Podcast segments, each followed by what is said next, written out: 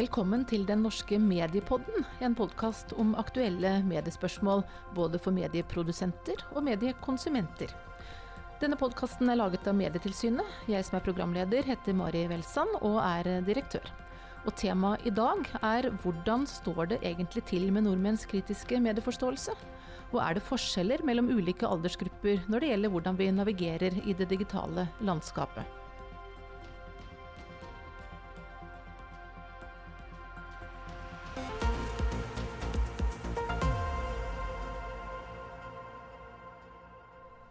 Dag skal vi altså snakke om kritisk medieforståelse, et av de viktigste arbeidsområdene for oss i Medietilsynet. Og kritisk medieforståelse det handler kort og godt om hvordan vi som mediebrukere skal orientere oss og ta informerte valg om det medieinnholdet som vi både konsumerer, lager og deler. Og akkurat det blir jo stadig viktigere eh, og også mer komplisert, fordi at det medielandskapet som vi beveger oss i er i så stor endring. I Medietilsynet så har vi akkurat gjort en stor undersøkelse for å finne ut mer om hvordan det står til med nordmenns kritiske medieforståelse, og det skal vi snakke mer om i denne podkasten. Og sammen med meg her så sitter Kristine Mek, som er direktør for kommunikasjon, rådgivning og analyse hos oss i Medietilsynet. Kristoffer Egeberg, som leder faktisk.no, og Kristin Ruud, som er generalsekretær i Seniornett Norge. Og Kristine, først til deg. Med bakgrunn i den undersøkelsen som vi i Medietilsynet nå har gjort, hvor godt rustet er den norske befolkningen egentlig til å møte de utfordringene som vi alle står i som mediebrukere? Nei, vi har sett i undersøkelsen at uh, 43 er uh, godt rustet, vil jeg si. Vi uh, har plassert en gruppe som vi kaller da høy kritisk medieforståelse som da utgjør ca. 43% av befolkningen. Og så har vi to grupper som har relativt god medieforståelse. Vi har da delt de opp i middels digital medieforståelse. Der er det 28 Og så har vi en annen gruppe som eh, vi kaller middels analog medieforståelse. Det er eh, 20 og så har vi da 9% som faller eh, gjennom på en del av indikatorene som vi har målt etter. Eh, og har da lav kritisk medieforståelse. Så alt i alt så står det ganske bra til med mange. Uh, og ganske ligger på middels, og så har vi noen få som dessverre har dårlig. Og så ser vi jo i undersøkelsen at det er noen ganske klare forskjeller relatert til alder. Uh, si litt mer om det. Vi ser at de over 60, voksne over 60, særlig uh, har utfordringer når det gjelder den digitale medieforståelsen. De uh, er blant den største gruppen på lav kritisk medieforståelse. Der er det jo bare 9% av uh, befolkningen. Men hvis vi ser på den middels analoge medieforståelsegruppen, så er den majoriteten av respondentene der over 60 år. Så vi kan si at nær seks av ti over 60 har eh, lav digital medieforståelse. Og i en tid hvor medievirkeligheten i stadig større grad blir digital, så mener vi at det er eh, bekymringsverdig og verdt å se nærmere på hva man kan gjøre for denne gruppen. Kristin Ruud, som generalsekretær i Seniornett, hva tenker du om at de eldre ser ut til å ha en dårligere digital medieforståelse enn de yngre? Eh, jeg tenker at det er en naturlig konsekvens av at eh, den gruppa kom senest Eh, ble senest digital. Eh, man har brukt eh, analoge medier lenger, og er også fortsatt den største brukeren av analoge medier. Å forstå digitale medier og det digitale landskapet, det er ganske komplisert. Og det tror jeg nok også gjør at skal vi bidra til å øke den kritiske medieforståelsen i denne gruppa, så må vi nok satse litt både ressurser og litt eh, Kanskje litt mer energi på den gruppa. Den, jeg tror kanskje den har vært litt oversett sånn som det har vært i dag. Og det syns jeg er synd. Og det fine med at Medietilsynet gjør denne undersøkelsen, det er jo at når man har fått tall på bordet, så er det faktisk mulig å begynne å gjøre noe med det. Så eh, jeg heier på at Medietilsynet har gjort det, og er lei meg for at eldre ikke er kommet eh, høyere opp. Og tenker at det er en uh, naturlig konsekvens som jeg håper at vi kan bidra til å gjøre noe med. Men du, har det vært fokusert for mye på det rent tekniske? Altså dette med å klare å logge seg på, betale en regning i nettbanken osv. Og, så videre, og for lite på det å, å faktisk skaffe seg kunnskap om metoder og strategier for å kunne navigere trygt i det digitale medielandskapet? Ja, men Det ene henger jo sammen med det andre. For Hvis du ikke er på nett, så trenger du jo heller ikke å lære digital medieforståelse. Men har man samtidig liksom stoppet for tidlig og sagt at ja, bare du er på nett, så er jobben gjort, og så tenker vi ikke mer på det, mens det kanskje er da jobben eh, begynner? Ja, men kanskje er, vi det skillet akkurat nå, da. Uh, hvor vi i Seniornett har, har diskutert mer hvordan skal vi holde senere på nett? Hvordan skal vi bidra til at uh, de får gode opplevelser på nett? Uh, mens det tidligere selvfølgelig har vært mye mer fokus på å få seniorer på nett. Og så må vi ikke glemme at det fortsatt er sånn at det er ganske mange som ikke er på nett. Men kanskje er det sånn at vi er kommet til et uh, punkt hvor de som ikke er på nett, skal få lov å fortsette å ikke være på nett. Og at vi heller skal bruke mer av ressursene blant de som er på nett, for at de skal få en høyere kritisk medforståelse. For de som er 60, eh, de har jo mange år igjen, og sånn sett så mm. er det jo absolutt uh, viktig å satse på at eh, de får den type kompetanse også? Veldig viktig. Og eldre er jo en gruppe som er veldig samfunnsengasjert. De er den som har høyest valgdeltakelse. Så, så det er en gruppe som er engasjerte borgere, uh, som nå går tyngre inn på digitale områder. Og da er det viktig at man forstår det terrenget man er i. Så, og det er jo ikke gitt at man gjør av seg sjøl. Så her er det jo Vi må jo bidra her. Også Seniornett, selvfølgelig.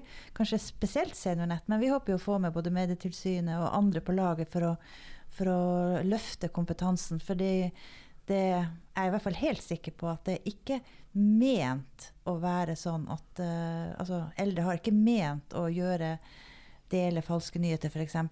Men eh, det er nok Hvis man ikke kan avsløre at det er en falsk nyhet, så er det jo vanskelig å vite at det er det man gjør. Og akkurat det skal vi snakke litt uh, mer om, det med falske nyheter, uh, eller desinformasjon, som kanskje er et litt bredere begrep. Eh, for et av de områdene som de over 60 synes å være svake på, eller i alle fall betydelig svakere enn de yngre, eh, er jo det å, å avdekke informasjon som eh, ikke er sann. I undersøkelsen vår så mm, var det også noen konkrete oppgaver. Annet så fikk respondentene en sak som de skulle vurdere om var sann eller falsk, og bare halvparten av de over 60 svarte riktig på det. Kristoffer eh, Egeberg, eh, du som driver med faktasjekking i, i, det daglige. Eh, hvordan stemmer det bildet med det inntrykket du har? Nei, altså først så er det jo bra at halvparten uh, så det.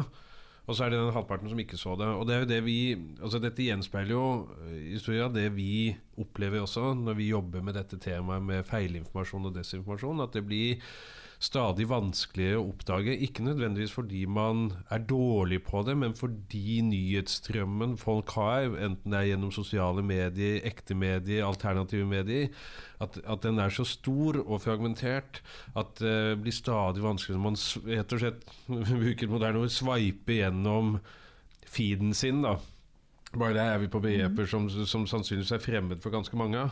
Uh, så går det så fort. Det, nå er det bare overskriften igjen. Man leser nesten ikke ingresser. Uh, man leser ofte ikke de sakene man deler engang. Man deler de bare fordi noen man kjenner, deler de osv. At, at hele den dynamikken som er bygd opp rundt sosiale medier og dette med engasjement og deling, undergraver uh, på en måte dybden og forståelsen for innholdet. Og, og, det ser vi at det er mange aktører der ute som ønsker å utnytte. Og da tenker jeg også at de eldre eh, Det er det flere årsaker til at de er spesielt utsatt. Men du sier litt om eh, hva slags type falske nyheter eller desinformasjon som uh, som finnes på nett. Eh, de påvirkningsforsøkene som vi som mediebrukere mm. utsettes for kanskje hver dag, men som eh, ikke er så lett for, mange av oss faktisk å, å, oppdage hva er det som skjer der ute akkurat nå, Kristoffer. Ja, og, og det, Da kommer vi tilbake til hvorfor jeg tror også at eldre ofte kan være mer utsatt. og Det er jo fordi det vi ser at en stor del av, av det, i hvert fall det vi avdekker, er jo det vi kaller løgnfabrikker. Og det er nettsteder og delingsmaskiner nærmest på sosiale medier som ene og alene eh, fabrikkerer, dikter opp eh, løgnsaker for å få deg og meg til å klikke oss inn. Og det er for å eksponere oss for annonser eh, gjennom sånne automatiserte annonsenettverk som man kjøper gjennom Google og, og andre. Og, og, de retter seg jo gjerne mot et voksen publikum. Altså De skreddersyr mot et voksent publikum, som er det samme publikummet annonsøren er villig til å betale mest for å bli eksponert for. Og, og på den måten så, så, bygges det nettsteder som egentlig bare er, som vi kaller det, løgnfabrikker. Som er eneste motivet de har, er å få deg og meg til å, å bli engasjert og klikke oss inn i sakene. Så de sakene kan, de, de, legger seg veldig nært opp i, i de debattene eh, som er høyaktuelle, som gjerne er polariserte. Enten det er immigrasjon, eller det er klima, eller det er helse. Eh, politikk. Eh, Eh, ja, eldreomsorg. Alle disse tingene som skaper engasjement. Uh, Med formål kan være både å påvirke, men også faktisk å, å tjene penger på dette. her, ikke sant? På at vi penger. klikker oss inn, så utløser annonsekroner i den andre enden. Ja, og det var jo det man så allerede under valgkampen i presidentvalgkampen i USA.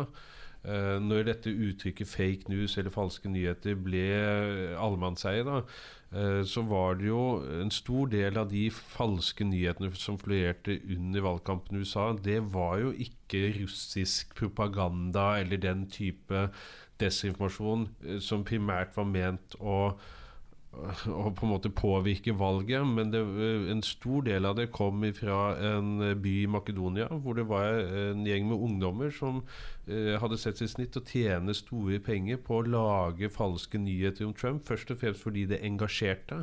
Fikk folk til å klikke seg inn, og da tjente de annonsekroner på dette. Og Kristine Mek, eh, undersøkelsen vi har gjort i Medietilsynet viser at eh, eldre kanskje ikke er så godt skodd for å oppdage eh, denne type feilinformasjon. Fordi bl.a. så ser vi jo at de benytter seg av, av færre metoder i, i, det å sjekke informasjon. Si litt om det. Nei, altså I undersøkelsen så fikk alle som svarte den, en konkret eh, sak eh, som de skulle vurdere om var sann eller falsk, og bare halvparten av de over eh, 60 svarte riktig på det. Um, i tillegg så så vi jo på eh, hvilke metoder eller verktøy har de for å undersøke om saken er sann eller uh, usann. Eh, og det kom tydelig fram at eh, eh, de har få metoder for å avdekke om san saken er sann eller falsk. Eh, de, det er få eldre som sjekker flere medier og kilder for å nettopp avdekke sannhetsgehalten i en, i en sak. Um, og Det vi også så i undersøkelsen, var at de oppdaget Eller de sa at de oppdaget på et senere tidspunkt at uh, saken ikke stemte eller var usann.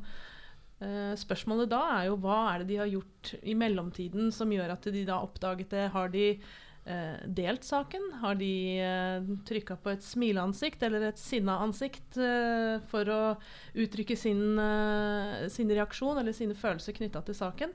Og det er jo nettopp det Kristoffer er inne på, at eh, de som lager sakene, nettopp vil.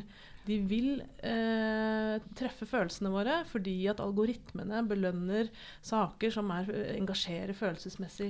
Så mot bedre vitende, rett og slett, så mm. kan eldre, og for så vidt vi alle, eh, bidra til å dele informasjon som eh, ikke er sann. Kristin, tenker du at, uh, at de eldre er, er, for naive? Er de ikke obs nok på de farer og utfordringer som faktisk møter oss i det digitale landskapet? Naiv vil jeg vel ikke tro det med, men uh, man har egentlig ikke man har ikke, man har ikke, verktøy eller forståelse for hva det egentlig er. Og, og hvis vi skal være helt ærlige, så er det vel ikke så veldig mange som hadde hørt om falske nyheter i den sammenhengen her for to år siden. Så det har blitt en uh, stor uh, greie nå, men det har jo ikke vært det. Så, sånn at eh, jeg tenker Eldre er ikke naive, men, men eh, jeg vet mange, mange kan kanskje også til og med dele en falsk nyhet av den tanken at uh, nå skal man fortelle at den her er falsk, så man viser det med et sinna ansikt, f.eks.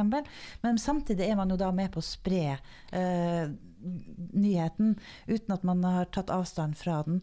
Så, så uh, hvordan, altså Oppførselen på sosiale medier er også noe som må læres. Jeg vet, eh, jeg snakka med en eh, litt voksen dame som eh, delte mye, og så spurte jeg liksom Hvorfor deler du alt det her? Men du gir jo ingen kommentar. Nei, men hun delte det jo egentlig for hun var uenig.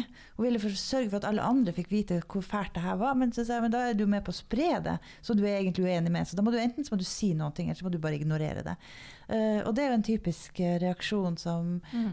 Man, man, kan ikke nok om hvordan ting virker. Hvordan ting virker. Og så har vi kanskje, når, vi har, når man driver med opplæring av hvordan komme på Facebook og sånn, som har vært opptatt av personvernet, um, at man har, passer på hvordan man deler, og man har lært å logge inn. Og så har man ikke lært de andre tingene rundt uh, Facebook. Vi har alle hatt en tante som har brukt capslock når hun har skrevet. Og, og det er jo som å rope. Og også undersøkelsen dette med å være bevisst uh, på hvordan de digitale sporene vi legger igjen, uh, hvilken effekt det har også for det innholdet vi senere blir eksponert mm. for. Det ser vi jo at mange, og da særlig også de eldre, ikke er spesielt bevisst på. Kristoffer mm. Egeberg, hvis du skulle gitt dine beste konkrete tips til de som hører på, i forhold til hvordan vi enklest mulig finner ut om en sak vi leser er er sann eller ikke. Ehm, hva tenker du først og fremst på da? Nei, Det aller første er jo å lese hele saken. Uh, og, og det, det, går tilbake til det grunnleggende at vi må, vi må gå inn bak overskriften, bak ingressen og lese hele saken. Og allerede der så får vi ganske mange uh, indikatorer på om man kan stole på det eller ikke. Er det en, er det en klar avsender? Altså er det, er det et medie du kjenner?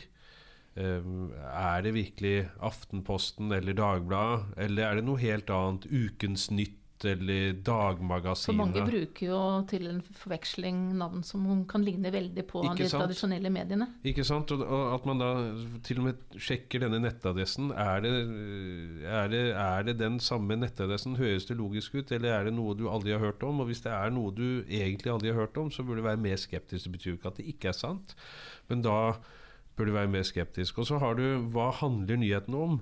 Altså Hvis det er en oppsiktsvekkende sak, altså virkelig en sjokkerende sak, og ingen andre skriver om det, hmm, da er det all grunn til å være, uh, være på vakt. Mm. For det, det, er virkelig ikke sånn at, at saker, store saker ties i hjel.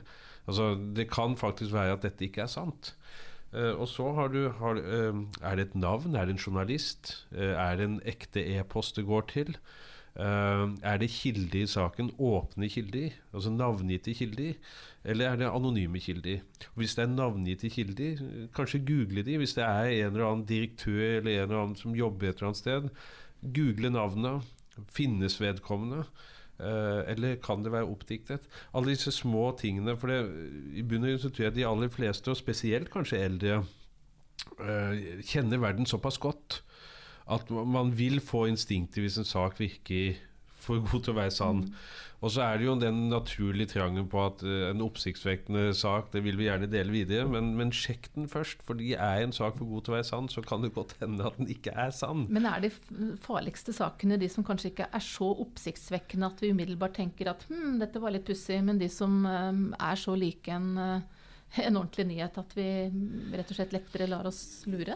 Ja, eller altså, hvis vi skal si farligste sakene, så går det litt tilbake til, til det eh, du sa innledningsvis om å gjøre bevisste, eh, gjennomtenkte valg i livene våre. Og det er klart at, at det, det, handler om det mediebildet og det bildet som, skape, som, skapes gjennom sosiale medier, men gjennom de nyhetene vi leser også. Det virkelighetsbildet og den virkelighetsoppfatningen. Og Der er vi jo avhengig av at vi har en nokså felles lik oppfattelse av fakta. Og så kan man være uenig om, om politikk er bra eller dårlig, og man kan ha de meningene man skal, men faktagrunnlaget er det viktig at vi har likt. Og det er der man kommer inn på dette med med, med, falske nyheter. At over tid, hvis du føler at du ikke kan stole på noe som du leser eller ser, at du ikke kan stole på institusjonene, at du ikke kan stole på mediene, at du ikke kan stole på noen som helst ting. Da skaper du en generell mistillit i samfunnet som gjør det vanskelig, tror jeg, eh, for oss å gjøre gjennomtenkte, rasjonelle valg. Og det er jo der man ser altså Vi er veldig opptatt av f.eks. fenomenet falske nyheter. Så er vi veldig opptatt av det før valg. Men jeg tenker jo kanskje at det viktigste er mellom valg, når vi har garden nede. Og så er den tiden hvor det ikke er så mye som står på spill, at disse vanene etableres. Fordi vi er ekstra varsomme når vi vet at det er noe vi skal være på vakt mot. Mens eh, å si, mellom valg, hvor du bare har den vanlige ting, hvor det kanskje er en nyhet om noe, et farlig dyr i skogen, da, eller en, en brennmanet, eller en uh, gammel dame som er kastet ut fra uh, gamlehjemmet fordi det skal bli asylmottak, eller det er en sak om, om Roald som fikk en pantelapp uh, å leve for fra Nav. Altså Disse sakene, daglige sakene som skaper en sånn misnøye. Så vi bør ha med oss denne kritiske tilnærmingen hver eneste dag. dag, rett og slett. Og i hele filen. Og det starter med å ikke dele hvis ikke vi vet hva vi deler. Og, og så tenker jeg altså det handler om å være en god venn. Altså, øh, venner lar ikke venner dele usannhet i. Uh, så når man da ser at en venninne eller en venn eller mor eller far eller datter eller hvem det er, i sin egen bekjentskapskrets deler ting på sosiale medier som åpenbart er feil eller tull, så si ifra. Vær en god venn. Og, og, og gi den opplæringen. Altså, vi som er kildekritiske, må være flinke til å dele den kritiske sansen med våre venner som ikke er det. Kristine Mek, vi i Medietilsynet har jo jobbet uh, i mange år med barn og unge. Uh, og både undersøkt deres uh, medievaner og jobbet med tiltak for å bedre deres kritiske medieforståelse. Bl.a. så har vi laget et undervisningsopplegg som også dere faktisk var med på, Kristoffer Egberg. Mm. Men uh, så har vi jo diskutert nå om ikke tiden er uh, inne for uh, å også gjøre mer i forhold til den eldre gruppen. Det tror jeg tiden er inne for. Vi har jo snakket en del om det digitale klasseskillet i, i samfunnet vårt. og jeg mener jo at denne undersøkelsen viser at vi bør snakke mer om det digitale medieskillet. Og um, vi skal fortsatt jobbe for å styrke barn og unges kritiske medieforståelse, men eh, vi vil nå se om det er eh, konkrete tiltak som vi kan iverksette overfor eh, oss voksne og godt voksne. og da vil det jo være å se på om vi på enkelt vis kan tilpasse det undervisningsopplegget vi allerede har. Eh, eksemplene er jo relativt universelle. Det er mer å se på metoden og hvordan man når frem. Um, vi har også um, tenkt å ha en um, kampanje før uh, valget nå i, i, september som rett og slett uh, tar mål av seg å hjelpe folk å avdekke falske nyheter. Og da kan man jo se på om man skal målrette den kampanjen mot godt voksne. Og vi vet jo fra undersøkelsen vår eh, som vi har lagt frem nå, at seks av ti over 60 er på Facebook daglig. Det er en kanal som vi også vil se på og bruke, nettopp for å nå den målgruppen som kanskje trenger litt ekstra, og som ikke sitter på skolebenken. Kristin og Kristoffer, hva tenker dere er det viktigste vi kan gjøre? Eh, jeg er veldig glad for at man har fått tall og fakta som undersøkelsen dere har gjort nå, viser.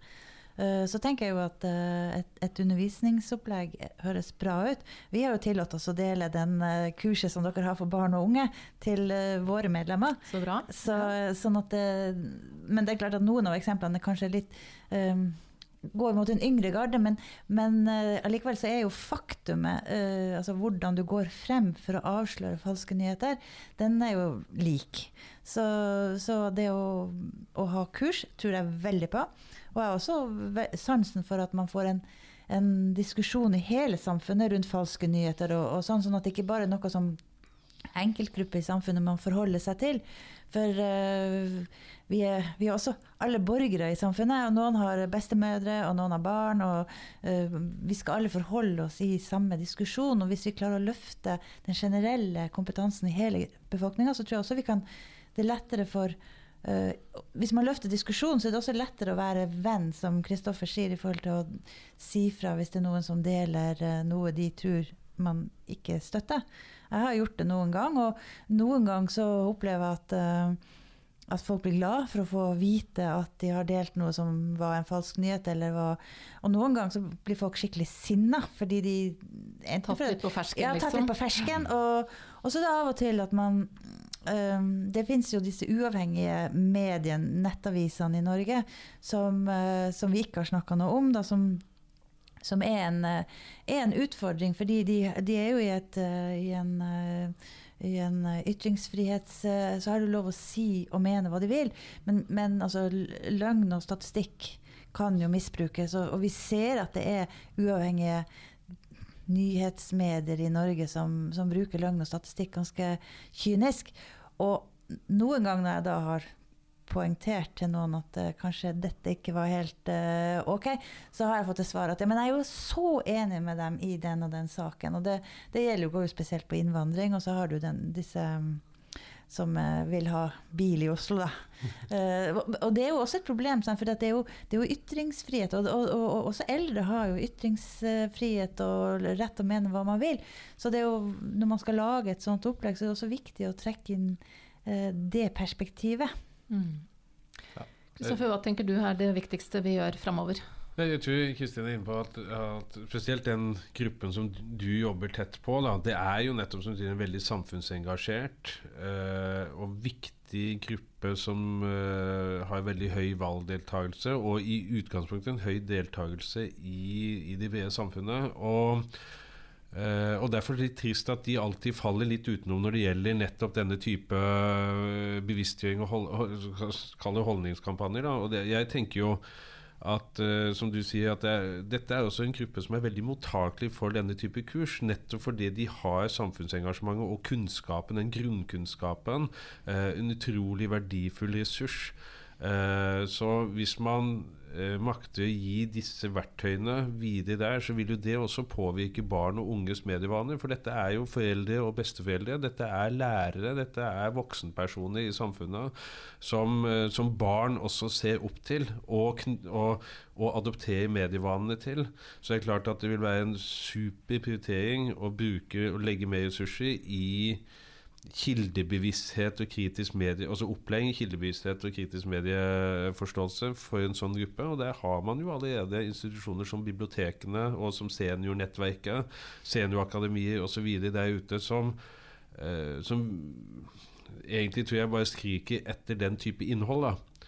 Uh, og så er det jo et publikum her som faktisk har tid til det. Uh, mange av de som har tid, og, og, og, og dette er spennende.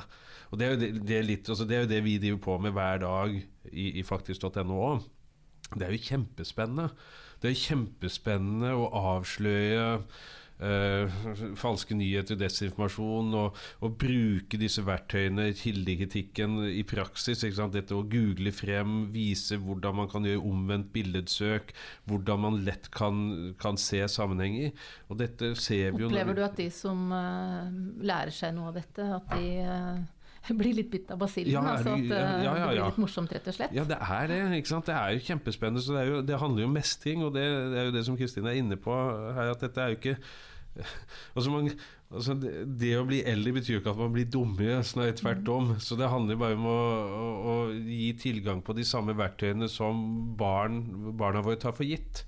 For det er også den, altså for å snu det andre veien, det er også problemet med, eller utfordringen med barn. At vi tar for gitt at de har at de fordi de har mestringsevnen, fordi de mestrer de nye digitale verktøyene, at det betyr at de forstår det. Og det viser jo også undersøkelsen vår, Kristin, at ikke alltid er tilfellet. Nei, altså det kan skorte litt nettopp på den digitale dømmekraften. De er ganske selvsikre og lekne, kan man si.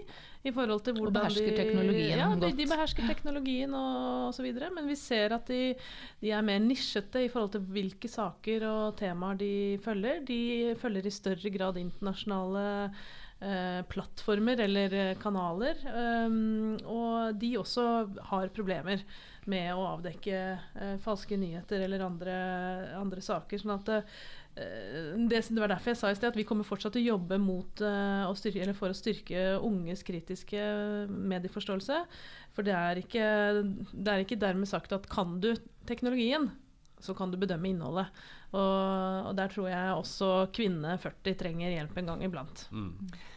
Kristoffer, du har jo mange år bak deg som journalist. Hva tenker du om uh, de tradisjonelle medienes uh, ansvar i forhold til dette? Må de tenke annerledes på hvordan de kommuniserer med sine lesere enn det de uh, gjorde da i gamle dager, for å si det sånn? Eller da vi kanskje bare forholdt oss til eh, papiravisen? Ja, Det handler jo om en bevissthet der òg. Og jeg, jeg, er veldig opptatt av at, at, dette fenomenet falske nyheter det må aldri bli medienes ansvar. For det er jo, gjerne, det er jo ofte det som er problemet med falske nyheter. At det er, det er, jo ikke nyheter, og det har ofte ikke noe med etablerte medier å gjøre i det hele tatt. Det er jo andre aktører som gjerne ønsker å utnytte, altså ikle seg den drakten og, og stjele troverdigheten fra disse aktørene. Men det betyr da kanskje at de eh, tradisjonelle mediene mediene eller de redaktørstyrte mediene de må også bli mer bevisst på mye, mye hvordan de framstiller sitt innhold, og at det faktisk er en forskjell på det innholdet og mye annet innhold som vi eksponeres for. Og Der tror jeg utfordringen er hvor, hvor, de tradisjonelle mediene må ta sin del av ansvaret, og ikke minst øh, øh, være flinke på å forstå dette fenomenet selv, og uh, være tydelige på altså Få frem hva som er forskjellen på et redaktørstyrt kvalitetsmedie, og hva, hva, som er en blogg. Og det kan man bare gjøre med å være enda mer åpne om både valg og metoder. Uh, hvorfor mediene skriver de sakene de gjør, og hvordan saker blir til. Altså Hvordan blir en sak til? Det er også veldig spennende. Og det å få frem kvalitet innenfor journalistikken, og hvordan, hvorfor man kanskje ikke skriver om en sak. Hvorfor det tar mye lengre tid å skrive en kvalitetssak enn å bare skrive et rykte. Uh, hvilken regler mediene jobber etter. Uh, alle disse tingene, og ta leserne enda mer inn i den prosessen. Og så tror jeg spesielt til det publikummet vi har snakket litt om nå, altså de eldre, så tror jeg også at vi som jobber tett i mediene, vi må passe på at ikke vi blir i likhet med alle andre sånne grupper i samfunnet, blir en sånn egen boble hvor vi ikke tar inn over oss at, ikke, at denne verden, medievirkeligheten, går veldig fort for oss som er inni den og kanskje ikke like fort for de som er på utsiden. Og da glemmer vi noen ganger å være med på at, at ikke alle er på nett. Mm. Jeg tenker jo i økende grad på alle de som ikke er på nett, som kanskje går glipp av viktige nyheter og viktige nyanser i samfunnsdebatten, nettopp fordi de ikke er på Facebook. De ikke vet hva VG har skrevet om i dag, kanskje ikke hva VG har om hele uka, som kun får nyhetene sine fra tradisjonelle enten papiraviser eller TV. Og da risikerer man jo at man går glipp av store deler av samfunnet, men at vi som er i den bobla, tar for gitt at de har fått det med seg. Og det er et problem. Fra Medietilsynets side så håper vi i hvert fall at vår nye undersøkelse om nordmenns kritiske medieforståelse skal bidra til både økt innsikt og debatt. Ikke minst at vi sammen finner fram til gode tiltak som kan bidra til å øke kompetansen, slik at vi alle evner å navigere trygt i det digitale medielandskapet, og ikke minst delta aktivt i den offentlige samtalen. Tusen takk til dere som har deltatt i denne samtalen, som jo er Medietilsynets første podkast. Takk til Kristoffer Egeberg fra faktisk.no, Kristin Ruud fra Seniornett og Kristine Mek som jobber sammen med meg, Mari Welsand, i Medietilsynet.